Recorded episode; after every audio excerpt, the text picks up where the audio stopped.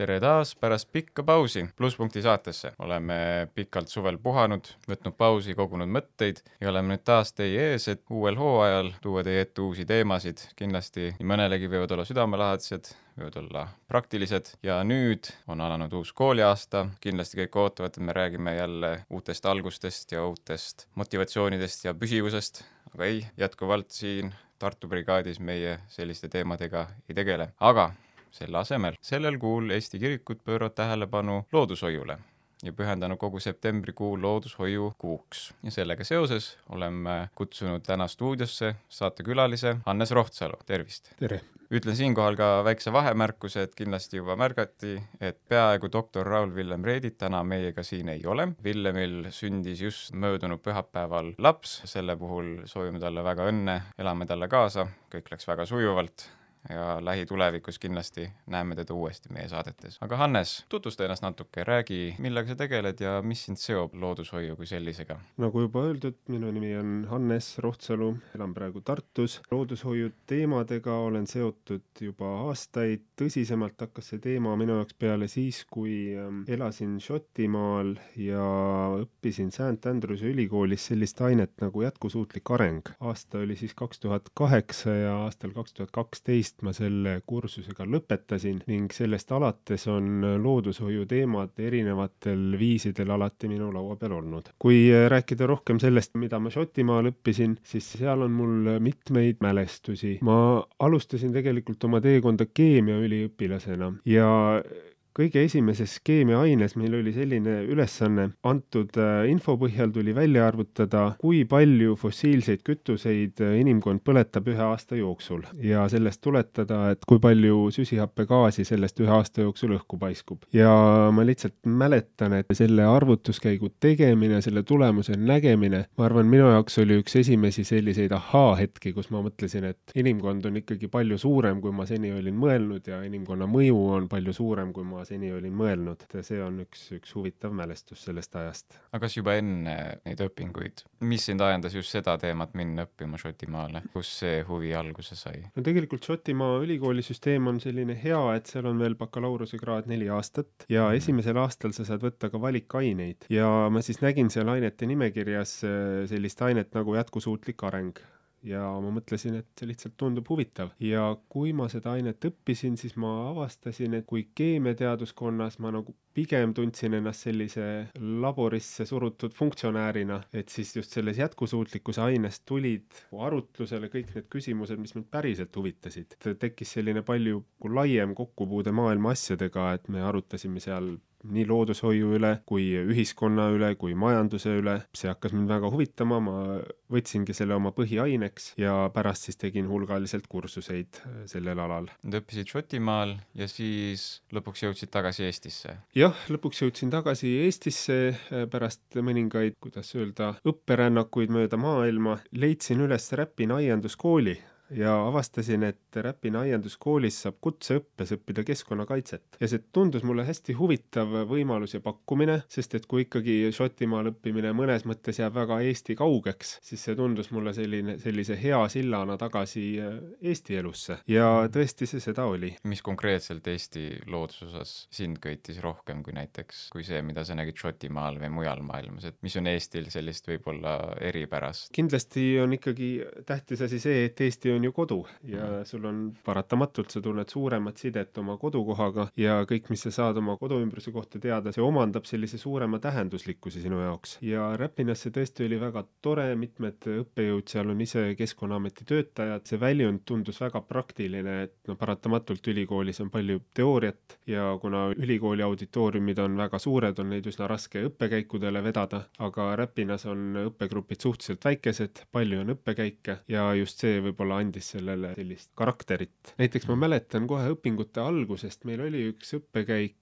see oli vist Meenikuna rappa ja siis, kui me sinna läksime, siis ma ei olnud nii ammu olnud Eestis lihtsalt rabas. ja mul oli no selline nii meeldiv taaskohtumine, et aa, selline ongi Eesti raba, et mõneti noh, see on nii enesestmõistetav, et kõik seda teavad, aga samas kergesti läheb meie elutee niimoodi, et me võime ka loodusest üsna kaugeks jääda ja isegi ära unustada, millised meie metsad ja niidud ja rabad ja järved üldse, kuidas, kuidas nende kogemine, kuidas, kuidas see tundub. Räpinas siis minu teekond ka jätkus, õpingute lõpus ma avastasin, et vabanenud või vabanemas on ökoloogiaõpetaja koht ja kuna noori õpetajaid on alati vaja, siis õnnestus see koht ka siis saada. Ja nüüd siis olen juba kolm aastat ise keskkonnakaitsjatele Räpinas õpetanud ökoloogia aluskursust. Ja eks see ole vana tõde, et et õpetaja ise õpib kõige rohkem, kõik need asjad, mis sa enne oled kuulnud, kui sa pead seda nüüd järsku ette valmistama niimoodi, et sa ise sellest kellelegi räägid, sa pead seda tunnina ette valmistama, siis järsku sa hakkad avastama, et kas ma ikka tean piisavalt nendest asjadest, kas ma ise ikkagi saan sisuliselt aru. Ja küsimusi tekib hästi palju ja sellest algab väga-väga põnev selline õpirännak. ja see õppimine on pidev, see on ka igasuguse teaduse on ju olemus, et teadus ei pretendeeri sellele, et tal on mingi terviklik ütleme, teadmiste pagas, vaid sellele, et see on meetod, mille kaudu me otsime teadmisi ja üritame liikuda lähemale tõele ja leida kõige nii-öelda jätkusuutlikumaid lahendusi mis iganes probleemidele meil võivad olla elus. no siinkohal võib-olla isegi tooks kõrvalepõikena sisse, et kui on niivõrd palju, ütleme, infot, mida meil ei ole, nii palju, mida me veel üritame avastada, üritame aru saada loodusest ja keskkonnast ja meie planeedist, kuidas näiteks vastata sellisele kriitikale, mida võib-olla tihtipeale tuuakse välja, et kuna meil on nii vähe teadmisi või pigem siis täpsemalt, et on nii palju teadmisi, mida meil ei ole, on ilmselt täpsem öelda, siis kuidas me saame üldse näiteks öelda selliseid kategoorilisi väiteid teemade osas, nagu ma ei tea, kliima soojenemine või reostumine ja kõik sellised teemad? no minu õpirännak siin nüüd näitab seda, et kui sul on küsimus ja sa hakkad sellele vastust otsima, siis hämmastav on see, et alati on kuskil keegi, kes on ke just selle asja ekspert. ja võib-olla meie tänane võib-olla hämmastama panev asi on see, et kui sa inimkonda tervikuna vaatad, siis meie teadmuse kogus on täiesti hiiglaslik, aga mis on raske, on selles teadmuse hulgas orienteeruda ja jõuda olukorda, kus sa ise tunned, et sa nüüd saad millestki aru. ja minu meelest siin on, on see õpetaja roll paratamatult tähtis, et meid aitavad kõige rohkem inimesed, kes ongi mingi asjaga tegelenud, saavad oma kogemust jagada ja niimoodi me saame ka ise palju kiiremini edasi liikuda. nüüd mina veel avastasin seda, et kuna ma otsisin uusi teadmisi, kust neist saaks. ma avastasin, et Eestis on selline asi nagu Eesti Loodusuurijate Selts, mis siis ühendab umbes kuutsadat eluslooduse valdkonnaga tegelevat teadlast ja ka harrastusuurijat. ja ma hakkasin nende igakuistel koosolekutel käima, ma nägin seal igasuguseid huvitavaid inimesi, keda ma ei teadnudki enne, et Eestis üldse olemas on, mul polnud aimugi, et näiteks Eestis keegi uurib kajakaid väga põhjalikult või tigusid väga põhjalikult või pisitigusid väga põhjalikult. millised on sinu tegevused seal täpsemalt ja millega see selts üleüldiselt tegeleb? Eesti Loodusuurijate Seltsis ma korraldan seltsi igapäevast asjaajamist ja korraldan ka näiteks igakuiseid loodusuurijate kohtumisi. Need toimuvad siis iga kuu viimasel neljapäeval Äh, algusega kell viis õhtul Loodusuurijate Seltsi saalis äh, Tartus. loodusuurijate Selts koosneb äh, erinevatest allüksustest või sektsioonidest vastavalt siis erinevatele erialadele. näiteks meil on mükoloogiaühing, kus siis inimesed tegelevad seen-, seeneriigi uurimisega, meil on Eesti Botaanikaühing, kuhu on botaanikud kuulunud, kuhu kuuluvad botaanikud, meil on ka huvitavaid selliseid väiksemate organismirühmade uurijaid, näiteks äh, meie koosseisus on Eesti Malakoloogia Selts. malakoloogid tegelevad molluskite ehk tigude uurimisega. Äh, nii et kokku, kokku neid erinevaid allüksusi on kaksteist. Äh, Eesti Loodusuurijate Seltsi juurde kuuluvad paljud traditsioonilised sündmused näiteks iga-aastased kevad- ja sügiskoolid, mida erinevad sektsioonid siis korraldavad Äh, näiteks äh, seeneuurijatel on seeneretked, kevadised ja sügisesed, taimeuurijatel on suvine taimeretk, imetajate ja loomade uurijatel on sügisene terioloogialaager. on sellised äh, traditsioonilised sündmused, mis iga aasta toimuvad, kus saab osaleda ja siis on, on siis ka lisa, lisasündmused ehk need igakuised kokkusaamised, seminarid. ja kindlasti loodushoiust huvitatud kristlastel soovitan võimalusel osaleda kas mõnel igakuisel seminaril või mõnes laagris ja see on väga hea võimalus Eesti loodusteadlastega kohtuda, nendega koos ka õppekäikudel käia ja see on väga hea võimalus kiiresti palju uusi teadmisi omandada. ja, ja siis kuidagi tänu Eesti Loodusuurijate Seltsile ma jällegi adusin seda meie maailma mitmekesisust ja ma arvan, et meie Eesti suur rikkus on just see, et meil on Eestis tegelikult väga palju häid äh, uurijaid, häid teadlasi ja meie tänane väljakutse on pigem seda teadmist kokku viia, seda mõtestada mm -hmm. ja pidevalt õppida ja pidevalt seda rakendada. ehk siis see dialoogi roll on hästi tähtis siinkohal, et me pidevalt suhtleksime omavahel, küsiksime üksteiselt ja just nendel, kes teavad, mitte niivõrd sellel tasandil, et aa, no mis sina arvad, mis sina arvad, vaid otsigagi sellist, et ei ole niiviisi, et on üks kogumik välja nopitud eksperte, kes dikteerivad, kuidas kogu ühiskond nagu edasi läheb, vaid et ongi mingil määral kogu ühiskond võtab osa sellest nii-öelda dialoogist, esitab küsimusi, mida on vaja esitada. võib-olla siin me võime otse tulla siis paavsti entsüklika ja Laudato Si juurde, et, et see on just üks teema, mida paavst toob välja, et meil on tegelikult dialoogi vaja haarata kõik inimesed nii eksperdid kui äh, ka need, kes ei ole eksperdid, et äh, selles mõttes ka näiteks äh, Pereraadio minu meelest teeb tänuväärset tööd just tuueski inimesi saatesse, algatades dialoogi, algatades küsimusi, et jah, tõesti ekspertidelt me saame tihti häid vastuseid, aga samas keegi, kes veel ei ole ekspert, võib tulevikus selleks osutuda. samuti on ju see, et igas inimeses on peidus talendid, me ei tea täpselt, mis need on. üks asi, mida paavst nüüd välja toob, on see, et keskkonnakriis ja need küsimused on nii suured, et me ei suuda neid lahendada pelgalt mõnele eksperdile toetudes, vaid meil on vaja üles leida see talent nii paljudes inimestes kui vähegi võimalik. ehk siis koos Jumala abiga mhm. saame kuidagi edasi mindud. ehk siis see ei ole, ütleme, ainult mingi tööstusinimeste probleem, see ei ole ainult teadlaste probleem, see ei ole ainult lihttööliste probleem, vaid see on meie kollektiivne, ütleme, vastutus anda kas või oma mingisugune väike panus, et lahendada seda olukorda, kuhu me tänapäeval oleme jõudnud seoses keskkonnaga. mul meenub siinkohal Šotimaal, ma kohtasin ühte toredat inimest, Colin Touch oli tema nimi, tema äh, kirg oli põllumajandus, ta töötas väga palju just põllumajanduse uuendamise, mahepõllumajandusvõtete kallal ja tal oli see hea ütlus, et kui sina sööd, siis see teema puudutab sind. et eks see ole ju tõsi, et keskkonnamuutused, kliimamuutused eriti ju puudutavad põllumajandust äh, esimesena ja noh, me oleme harjunud, et tooteid on võtta ja mm. see on tõesti tore, et meil täna on tooteid võtta, aga me peame töötama mm. kõvasti, et neid tooteid oleks ka keskkonnamuutuste ajastul võtta. kui nüüd siis rääkidagi, me oleme nüüd tiirutanud leemi ümber, millest ma olen rääkinud, aga mis on siis see tänapäevase ökoloogilise kriisi sisu, kui võimalikult väheste sõnadega kokku võtta, mis on see probleem, millega siis inimkond täna silmitsi seisab? no kui me võtame seda nüüd ökoloogia mõistete abil, siis inimkond on kohastunud elama teatud keskkonnas. meile meeldib teatud temperatuurivahemik, meile meeldib teatud ökoloogiline nišš, kui nii öelda. ja meie väljakutse on see, et kui keskkond liiga kiiresti muutub, siis meie ei suuda selle muutusega kohaneda ja ebamugav oleks kooslusest välja langeda. kuivõrd see probleem on kinni siis meis endis, kas see keskkonnamuutus on siis paratamatu või tuleneb see ka väga suures osas meist endist? kas inimtegevus on paratamatu? no inimtegevus mõnes mõttes on paratamatu, et kui mm -hmm. võtta seda niipidi, et äh,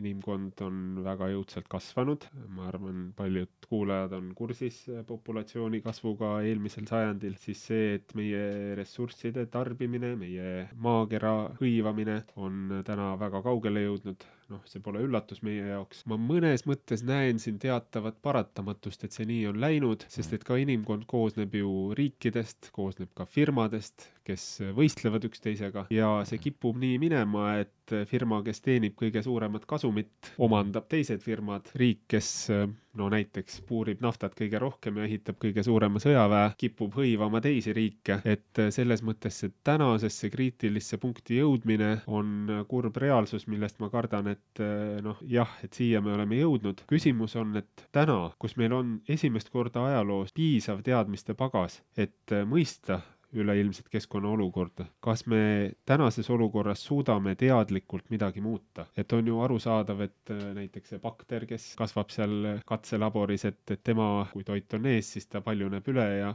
hävitab oma keskkonna, et, et bakter ei suuda midagi muuta. aga kas meie inimesena, kas meie teadlikkus, kas meie suudame? selles mõttes bakterist me oleme on ju erinevad, sest bakter teeb vaid seda, mis tema loomus ette annab, on ju. bakter mõtleb, et tema peab sööma, tema peab paljunema ja seda ta teebki ja. nii palju, kui ta vähekenegi saab ja see on tema, ütleme sisuliselt nagu ainus funktsioon ja kui mingi teine liik teine, ütleme, organism teda ei piira, siis põhimõtteliselt ta täiesti ohjeldamatult seda teebki. aga inimestena on ju, meil on see eripära, et me, Jumal on meid tõstnud kõrgemaks teatud viisil, olemuse poolest kogu ülejäänud loodust, selle poolest, et meil on vaba tahe ja mõistus sellel tasandil, et kui meil on nälg, siis meie saame öelda iseendale, et tead, ma ei söö või kui mul on janu, siis ma ei joo loomad seda teadlikult ei tee, kui nad just ei taju, et see toit või jook, mis nende ees on, oleks neile nagu väga reaalsel viisil kahjulik. ja sellel viisil me oleme võib-olla see ainus komponent kogu looduses, mis on võimeline, on ju, suunama seda tervikut viisil, mis ei ole, lähtuv ainult meie enda isekatest vajadustest. sealt justkui tunduks, et Jumala soov meil on see, et meie püüdleks selle poole, me ei lähtuks mitte ainult oma isiklikust ellujäämisest ja püsimisest, vaid ka kogu terviku püsimisest mida ütleme, hunt või pääsuke ei ole võimeline hoomama. no esimesena võib siin tagasi tulla siis selle entsüklika juurde, kus siis meenutatakse, et tõesti Jumal on pannud inimese loodut hoidma ja harima ja võib-olla tõesti, et väga tihti tuleb seda loodut hoida ka inimtegevuse enda eest, et see on üks raske, aga ka põnev äh, valdkond. kui minna looduse juurde, on olemas mõned liigid, kellele öeldakse, et nende elustrateegia ongi selline, et nad ei paljune liigselt mm. -hmm. nii et inimese olukord selles mõttes ei ole täiesti üksik või täiesti looduset-, lootusetu, et kui me ka looduses otsime, siis nii-öelda jätkusuutlik liik võib looduses täitsa olemas olla. et kas me ise nüüd, millisele tasemele me küünime, et kas me sihime sinna kõikehõivava invasiivse liigi poole või me sihime sinna stabiilset populatsiooni tootva liigi poole, vaat see on valiku koht.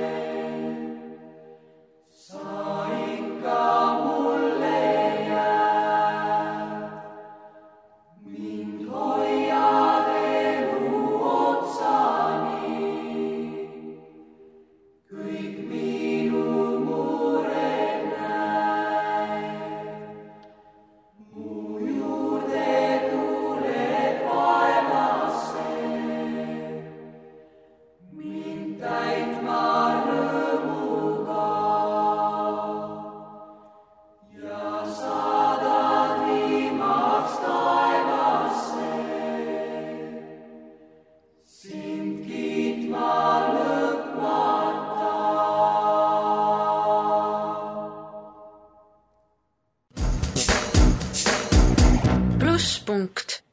siinkohal, et kuulajal oleks konteksti, siis raamat, millele me siin ka pidevalt viitame kogu saate vältel, on siis paavst Franciscuse poolt kirjutatud entsüklika, mille ta vist kirjutas kaks tuhat viisteist aastal, mis kannab siis nime Ole kiidetud või Laudato si, mille siis sisu ongi kirjeldada katoliku kiriku ametlikku seisukohta kaasaegse ökoloogilise kriisi suhtes. siis me korduvalt teeme viiteid sinna, kuna see on üsnagi kokkuvõtlik dokument siis selle osas, mis vähemalt katoliku kirik tuleviku perspektiivist on need väljakutsed ja arengukohad äh, nii kristlastele kui ka inimkonnale üleüldiselt erinevates teemades, mis puudutavad jätkusuutlikkust, keskkonda, majandust ja nii edasi. ma võib-olla siinkohal räägiks natuke sellest raamatust veel siis nii palju, kui ma sellest aru saan. et äh, olen kuulnud, et enne selle raamatu ilmumist tegelikult käis väga suur koostöö äh, siis Vatikani ja erinevate teadlaste vahel ja peeti põhjalikult nõu paljude küsimuste küsimuste osas. Ja nüüd, mis jõudis siia raamatusse, on selles mõttes nagu kas nagu konsensus või nagu ühisosa, et siia raamatusse on koondatud need asjad, mida me ikkagi selgelt teame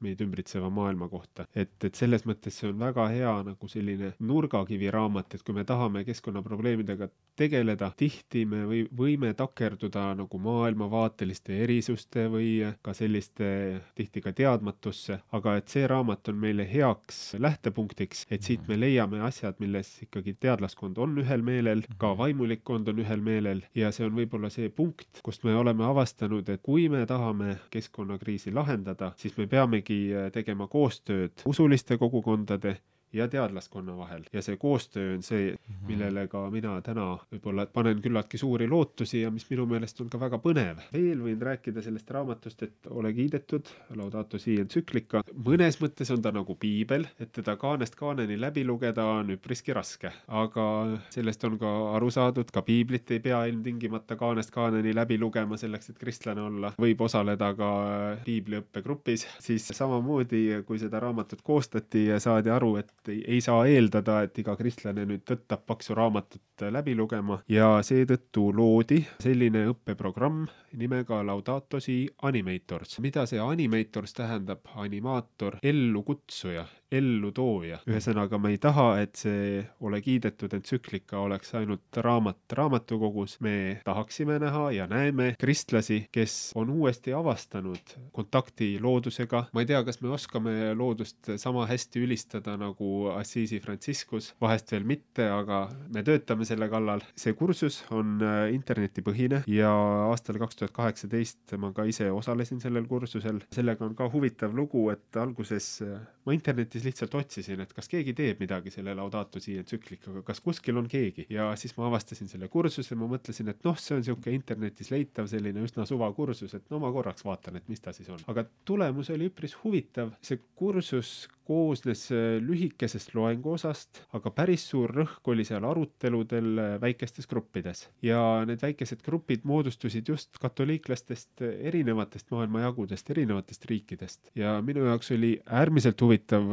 kohtuda nunnadega Aafrikas, munkadega Indias, ilmikkristlastega Hispaanias, Ladina-Ameerikas, kes kõik mingil moel tunnevad sidet nii looduse kui selle entsüklikaga, kes otsivad oma elus, püüavad edasi liikuda, et selline kohtumine oli minu jaoks väga huvitav ja juba siis ma hakkasin mõtlema, et kuidas seda kohtumist rohkematele eestlastele kättesaadavaks äh, teha. ja me oleme selles vallas mõningaid edusamme teinud. tänavu tõesti esimest korda Eesti Kirikute Nõukogu tähistab looduhoiukuud. looduhoiukuu on siis seotud nii paavst Franciscuse kui Konstantinoopoli patriarhi Bartolomeusega ja esimesed looduhoiukuu sündmused siis on ka Eestisse jõudnud. ka siis, kui rääkida selle looduhoiukuu sisust, siis mis selle eesmärk on, mida selle kuu jooksul üritatakse saavutada? no ma arvan, et peamine asi on, et kristlaskonna teadvusesse tuua see loodushoiu temaatika ja võimaldada siis ka kristlaskonnal erinevatest konfessioonidest kohtuda, et me oleme märganud, et loodushoiu teema kindlasti on üks selline teema, mis erinevaid konfessioone ühendab, meil võivad olla erinevad vaated mingites teoloogilistes küsimustes, aga tegelikult me kõik saame ühteviisi aru, et nüüd on vaja loodushoiuga tegeleda. Ja selle kuu jooksul on kogudustel endil võimalik organiseerida sündmusi, mille jaoks on juhendmaterjalid olemas. Ja on siis ka mõned nii-öelda Eesti Kirikute Nõukogu ülesed sündmused, kuhu siis on kerge vaevaga võimalik lihtsalt osalema tulla. korraldan ka ise ühte sündmust, see toimub seitsmendal septembril Tartus Eesti Loodusuurijate Seltsi saalis, Struve tänav kaks ja see on siis ökoteoloogia seminar. aga kui ma mõtlen kirikule ja selle seosele keskkonnaga, siis tihtipeale, kui ma teiste võib-olla kristlastega erinevaid teemasid arutanud olen, siis kohati võib aruteludesse sisse tulla selline teatud apokalüptiline mõtteviis või selline noh, suhtumine, mis on ju läbi kogu kiriku ajaloo jooksul on olnud tavaline, et Kristus lõpuks tuleb tagasi, selle valgel ärme keskendu, ütleme, sellistele välistele materiaalsetele teemadele, vaid keskendume nii-öelda evangeeliumi kuulutamisele, Jumala kuningriigile ja kõike seda, seda, et on mõned kristlased, kes suhtuvad teatud skepsisega kogu sellisesse keskkonnakriisi parandamisse just sellest lähtepunktist, et äkki meie tähelepanu peaks olema just inimeste hingedega tegelemisel ja et justkui keskkond on üks nendest paljudest materiaalsetest teemadest, mis on mingil määral teisejärgulised selle kõige juures. noh, mis on kristliku usu sisu, on ju need põhilised käsud, et armasta Jumalat ja armasta ligimest. ja küsimus on nüüd see, et kuidas me oma eluga siis seda kehastame, kuidas me seda välja näitame. kui me jätame endast maha sellise segi pööratud aia, et mida see siis ütleb meie armastuse kohta. ma arvan, et ka meie evangeeliumi kuulutamine on märksa tõhusam kui peale selle, et me seda lihtsalt sõnadega kuulutame, et armastage Jumalat, armastage ligimest, et äh, sellele lisaks oleks ju väga hea, kui see väljenduks ka meie üldises eluviisis ja väljenduks ka selles, et me suudame oma elukeskkonda hoida ilusana. -hmm. ja tegelikult see on ka tugevalt seotud hingega selles mõttes, et see, kuidas me hoiame loodust, kuidas me hoiame keskkonda, see, mille me pärandame edasi oma lastele ja lastelastele ja lastelastelastele. see on viis, kuidas me saame näidata armastust nii oma ligimese kui ka Jumala vastu. noh, kes iganes on viimasel ajal või sellel tänavu suvel aias palju aega veetnud, eks see teab juba kogemusest, kui hea on hingele aias ja aedades aega veeta, et, et kindlasti on ka see aspekt, et lihtsalt looduses rohkem olles paratamatult hakkab parem tunne ka endal olla. aga mis see seal on, mis, miks looduses olemine, oma kätega aias tööd tegemine, kuidas kuidas see nagu ülendab meie hinge. ma olen nõus, et mul endal on ka, on ju, kodus aed, kus ma, on ju, aeg-ajalt askeldan ja niiviisi ja see tõesti on nagu kuidagi toob mingit värskust mõtetele ja hingele, aga mis see seal siis on? et kuidas see avaldab sellist mõju? no võib-olla võib seda vaadata niimoodi, mina olen seda niimoodi kuulnud, et äh, siin maailmas meil on kaks suurt jumala raamatut. üks raamat on piibel, mis on äh, jumala sõna talletatud, kirja pandud ja teine suur Jumala raamat on Jumala loodud maailm. Ja jälgides maailma, taevast, puid, põõsaid, maapinda, tegelikult me näeme seal ju, me avastame seal looja kätetöö. Ja mida lähemalt me seda uurime, seda rohkem me avastame hämmastusega, kui põneva ja kui ilusa maailma Jumal on loonud. Ja tõesti, mida lähemal me sellele oleme, ma arvan, see ülendab meie hinge. ma mäletan, kui ma ajateenistuses olin, siis oli aegu, kus me pidime pikki ajaperioode lihtsalt lamama kuskil mingi samblamätta otsas kaasas ja lihtsalt jälgima mingit teatud suunda. meeletult igav oli ja siis vahid seal kõiki neid puid ja mis kõiki ümber on ja ootad, kuni saaks lõpuks sööma. ja siis ma mäletan, ma, minu jaoks oli selline väga suur avastushetk oli see, et kui ma lihtsalt jäin vaatama nagu seda maapinda enda ees ja lihtsalt jäin pikemalt nagu vaatama, siis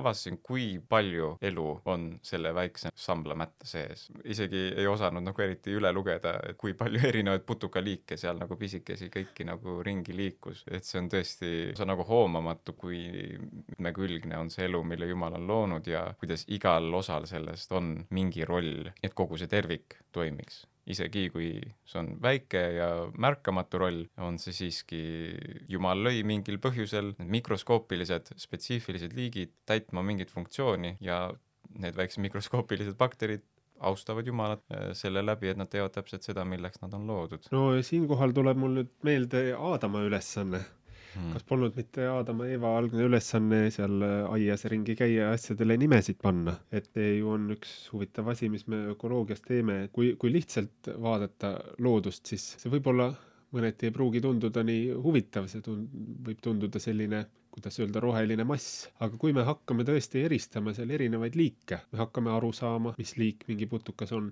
aga veelgi enam, kui me hakkame aru saama, et mis on nagu selle putuka eluviis, mis on tema ellujäämise strateegia, mis on tema elupaik ehk kodukoht, mis on tema toiduplaan, siis, siis järsku me hakkame seda kooslust nagu sügavamalt mõistma ja kindlasti minu elus ka, mida rohkem ma õpin liike tundma, seda põnevamaks loodus muutub, sest just huvitavad on ju ka looduses need liikidevahelised suhted. kindlasti on huvitav ka see aspekt, et jumal ei ole ju loonud staatilist maailma, kus kõik oleks nii, nagu ta algusest peale oli, vaid jumal mõtleb meie ettekujutusest mitu taset kõrgemalt ja ta on loonud sellise pidevalt areneva, pidevalt muutuva maailma. et needsamad väikesed mutukad molluskid, nad võivad, kuidas öelda, nende käitumine on märksa komplekssem, kui me alguses võime arvata, et see on see, mis teeb selle looduse põnevaks ja kes teab, vahest ka oma inimkonna jätkusuutlikkuse probleemidele, tihti me leiame väga häid ideid just loodusest mingi liigi käitumisest. praegu väga palju tähelepanu, ma tean, läheb seente uurimisele, mida rohkem sa seeneriiki uurid, siis leiab sealt palju-palju huvitavaid mõtteid, noh praegu näiteks nüüd see seeneliha tootmine on üheks, üheks eraldi teemaks, et näiteks liha tootmine on väga noh, keskkonnakulukas, kui sul on tohutu suur populatsioon, aga kui sa kasvatad teatud liiki seeni, siis sellest seeneniidistikust sa saad toota sellist seeneliha, mis tegelikult on seen, aga ta maitseb nagu liha, sa saad seda toota märksa vähemate ressurssidega kui siis päris loomapidamine. kes teab, täna veel see tundub võõrastav, aga aastate möödudes ma arvan, et see paraku muutub meile lähedasemaks lähedasemaks, saab tuttavamaks. eks seeni me oleme aastatuhandeid söönud selles mõttes. ja kui on lihamaitseline seen, siis ma arvan, et see annab ainult asjale juurde ilmselt etem kui putukate söömine selles mõttes. kõik oleneb valikutest, et kui ja. meil on palju valikuid, eks me siis valime, mis on lemmik mm. -hmm. kui meil on vähem valikuid, siis kõlbab see kilk ka, kui ta kõhu täis teeb. siin jälle sillala, vei, vei, vei, sulavala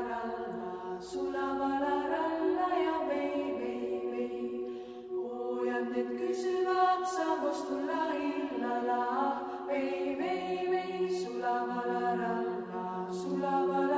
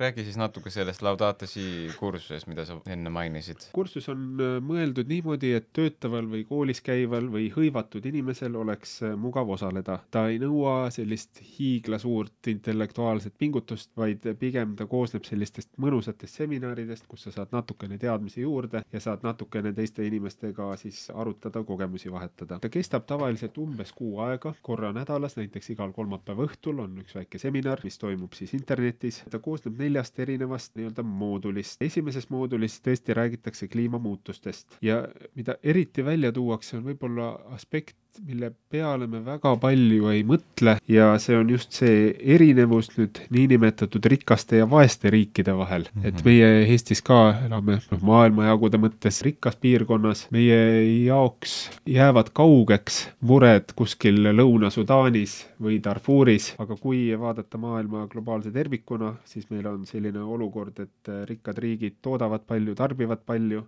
ja vaesed riigid peavad toime tulema sellest tulenevate keskkonnamuutustega. veel, mis selles kursuses on üks äh, oluline, ma arvan, asi, mis eristab Laudato Si kursust teistest, paljudest teistest keskkonnahoiu äh, kursustest, on see kolmetasandiline lähenemine, mida võime ka nimetada siis ökoloogiliseks pöördumiseks ja see tähendab seda, et kui tahame keskkonnateemadega tegeleda, esimene tase algab meie seest, meie südamest, meie hingest, et kas me, kas me võtame selle teema nii-öelda oma südameasjaks või kas see on meie jaoks midagi, mis on meist äh, kaugel, mis me arvame, et meid ei puuduta. kui me oleme nii-öelda hingeliselt pöördunud ja avastanud, et äh, loodushoiu teema on teema, mis meid kõnetab, millega me tahame tegeleda, siis avaneb meie jaoks teine tase, mis on siis oma elustiili muutmine ehk püüd omaenda jalajälge ikkagi vähendada. paratamatult me kõik raiskame asju, sest kui meil on asju palju, siis me kaldume raiskama. me püüame avastada neid kohti, kus me ei ole järgi mõelnud oma, oma tegevuse üle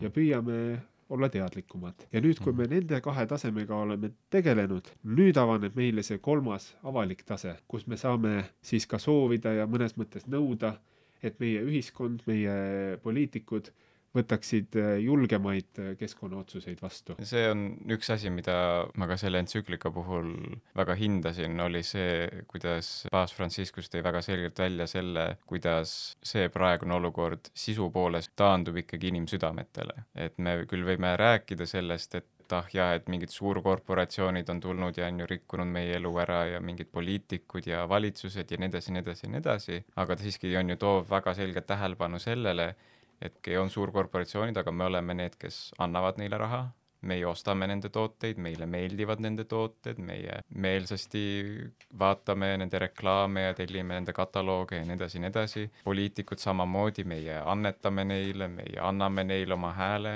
me ei nõua neilt, et nemad pööraksid tähelepanu jätkusuutlikkusele, ehk siis seal on väga selge on ju kollektiivne vastutus, selge see, et on ju, kui keegi nende suurkorporatsioonide tooteid ei osta, siis nad peavadki muutuma nad peavad muutma oma tootmisstrateegiaid ja nii edasi ja nii edasi. selles mõttes see oli nagu lootustandev lugemine selle poolest, et see annab lootust, et me saame midagi mõjutada. Need, ütleme, suured valitsejad, rikkad, et nemad sõltuvad meist tegelikult täpselt sama palju kui meie neist ja tegelikult isegi rohkem, sest ilma meieta neid ei ole, aga ilma suurkorporatsioonideta meie elame tegelikult ilma hakkama saada küll. võib-olla siin me siis jõuame selle kristlaskonna rolli juurde, mille peale ma tihti mõtlen.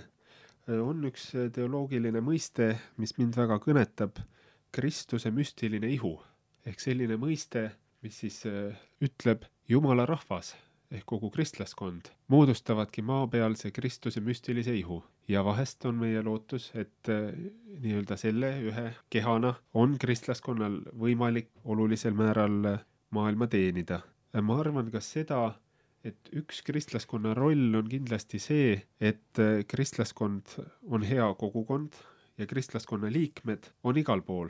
Nad on nendes samades korporatsioonides Nad on selles samas tarbijaskonnas, nad on poliitikas, nad on teadusasutustes ja meie lootus on, et kristlaskond aitab tekitada sildasid erinevate ühiskonnagruppide vahel. väga tihti meil tekib ühiskonnas arusaamatusi just sellepärast, et see omavaheline suhtlus on olnud puudulik ja siinkohal on kristlaskonnal väga hea võimalus olla selliseks kokkutoojaks ja mõnes mõttes ka lepitajaks et see on mhm. selline tähtis, tähtis lepitusroll. kui asjad äh, läbi arutada rahumeelselt, üsna kiiresti me avastame, et me inimkonnana, inimestena oleme üpriski sarnases olukorras ja et mhm. tegelikult meil on meie isiklike huvide kõrval ka ühine huvi. võib-olla veel lõpetuseks, et see Laudatusi kursus tegelikult siis lõpebki ka iga osaleja väikeprojektiga, et tegemist pole pelgalt sellise kuulamise ja rääkimisega, vaid selleks, et see kursus lõpetada tuleb siis endal sooritada väike projekt. selle väike projekti raames tuleb kaasata vähemalt viis inimest ja nendega võib teha enda poolt vabalt valitud väikese projekti, kas ühise palvuse, ühise matka, vahest äh, Laudato Si entsüklika ühislugemise, võib-olla hoopis midagi muud, nii nagu äh, osaleja soovib.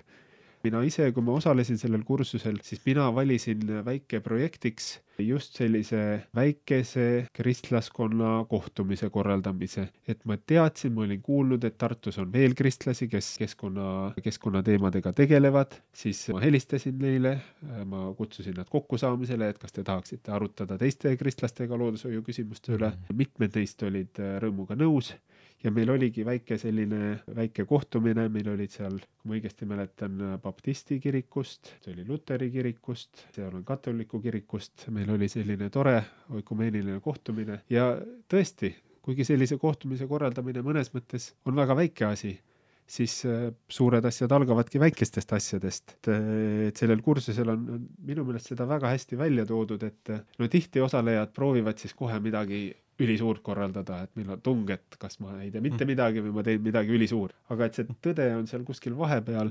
väga hea on, kui sa teed alustuseks midagi väikest ja tõesti, see oli üks, üks väike tore sündmus ja ma arvan, see sündmus oli öö, olulisel määral, eelkäijaks sellele seitsmenda septembri öö, seminarile, mis nüüd varsti on tulemas ja mida mul kindlasti oli palju lihtsam korraldada, kuna ma tundsin, et mul juba on tuttavad erinevates kirikutes, mhm. kes ka selle teemaga tegelevad, et kui ma selle seminari nüüd korraldan, siis vähemalt keegi tuleb sinna et see on seda väärt ma võib-olla räägin veel natuke rohkem sellest ökoteoloogia aspektist nüüd mm. -hmm. et ökoteoloogia võib öelda, on teadusharu, mis tegeleb siis religiooni ja looduse vahekorra uurimisega. lähiajal on Tartus võimalik sellesse teemasse kohe päris tõsiselt süveneda. Tauri Tölpt, kes on tuntud õigeusu teoloog, on loonud sellise võimaluse, et Tartu Ülikoolis sellel sügisel saab võtta ökoteoloogia ainet see on kolme ainepunkti suurune ja seda õpetavad ökoteoloogia teadurid, võib-olla on nad isegi professorid erinevatest Kreeka ülikoolidest. kuidagi tõesti õigeusu teoloogias on see roheline aspekt väga tugev ja neil on mitmed tõsised tegijad just ökoteoloogia valdkonnas. kindlasti saab olema väga põnev teada saada, et kuhu maale nad on jõudnud. et Tauri mm. ise teeb lühikese tutvustuse sellest seitsmendal septembril, aga äärmiselt põnev sündmus on see, et ju Konstantinoopoli patriarh Bartolomeos tuleb Eestisse. Eesti visiidi ajal külastab ka Tartut ja ta ise tahtis viieteistkümnendal septembril Tartu Ülikooli aulas pidada avaliku loengu ökoteoloogia teemal, nii et äh, kindlasti tasub äh, seitsmendal septembril ennast ette valmistada ja siis äh, viieteistkümnendal septembril tulla kuulama juba olles üsna teadlik kuulaja. rääkida ökoteoloogiast, mis, mis on ökoteoloogia? ma pean nentima, et ma ei ole seda ainet veel ise jõudnud alustada, et see algabki septembris ja ma tean seda ka võib-olla hetkel suhteliselt äh, pealiskaudselt, et ökoteoloogia, nagu enne ütlesin, uurib siis religiooni ja looduse kokkupuudet, aga kuhumaani täpselt on jõutud, tuleb tulla Taurit kuulama mm, -hmm. tuleb tulla patriarhi kuulama ja mm -hmm. sealt vaatame edasi. üleüldiselt selles vallas on paar teemat, mis mul on selles mõttes kõrvu jäänud ja mis minu meelest vääriksid väljatoomist selle vähemalt saate kontekstis, et ja mida ka paavst Franciscus toob välja oma entsüklikas. üks pool, mida ta välja toob, on see, et me peame leidma kristlastena just sellise tasakaalu kahe selge äärmuse vahel ja ta toob välja, et üks äärmus on need, kes ütlevad, et inimkonda kui sellist tuleb piirata just populatsiooni poolest, et me peame piirama inimeste hulka, et inimene kui selline ongi probleem. et ini-, kui me kõrvaldame inimesed, siis me kõrvaldame ka selle nii-öelda probleemi üleüldiselt. ja ta ütleb, et see on, on ju üks äärmus, et me ei saa võtta seda hoiakut, hoiakut, mis on inimvaenulik ja vastu sellele, et inimene üldse oleks osa maailmast. ühest äärmusest äh, alustada, siis kindlasti on see, kuidas seda nimetatakse, ökofašistlik lähenemine, inimesed välja, loodus jätta mm. -hmm. et äh, kristlastena me ilmselt ei saa pooldada nii mm -hmm. äärmuslikku seisukohta. teine äärmus oli see, et tehnoloogia areng äh, paratamatult lahendab probleemi põhimõtteliselt iseeneslikult. Need olid need kaks äärmust, mille paavst Franciscus välja tõi. üks pool, mis ütleb, inimene on probleem ja teine pool, mis ütleb, et lahendus tuleb iseeneslikult ja loomulikult, kuigi reaalsus on see, et selle nimel tuleb väga teadlikke suunitletud otsuseid äh, teha. see millist moodi meie tehnoloogia areneb, ei oleks selline, mis on vaenulik elule, mis oleks vaenulik inimelule, loodusele, vaid just selline, mis on jätkusuutlik. et on ju, kui arendatakse välja mingi uus lambipirn, siis on suur vahe sellel, et kas soovitakse arendada välja lambipirn, mis peab vastu kuus kuud või selline, mis peab vastu kuuskümmend aastat. kindlasti äh, tehnoloogiast äh, Paavst räägib ja see on teema, mille peale mõelda. Äh, ma ise siin hakkasin praegu mõtlema sellise näite peale, et ma kuulsin ka kuskil Eestis ehitas üks mees endale, mis see siis oli, nullenergiamaja ja ta oli seal väga hästi välja mõelnud, kuidas äh, elektrit kasutatakse, kuidas soojust hoitakse. selle maja enda energiatarve oli väga-väga madal. kui ta mõne aja pärast hakkas analüüsima, et milline siis tema elektriarve on, avastas ta, et tema elektriarve on kas umbes sama suur või natuke kõrgem kui tavaliste majade elanikel. ja miks see on nii? hah, aga sellepärast, et peale ligi nullenergia tehnoloogiate oli tal selles majas ka elektrisaun ja muidugi, kui äh, elekter on odav, siis äh, on mugav, et saun on ju ikkagi sees. noh, ikka tahad sinna minna ja paraku see saun võttis nii palju elektrit, et äh, nullis kogu ülejäänud pingutuse ära. ja minu meelest see illustreerib väga hästi seda meie suhet tehnoloogiaga, et tehnoloogia võib tõesti meile luua võimalusi väga säästlikeks liigutusteks mm. -hmm. aga kuskil seal lõpus on inimlik valik ja vaba -hmm. tahe.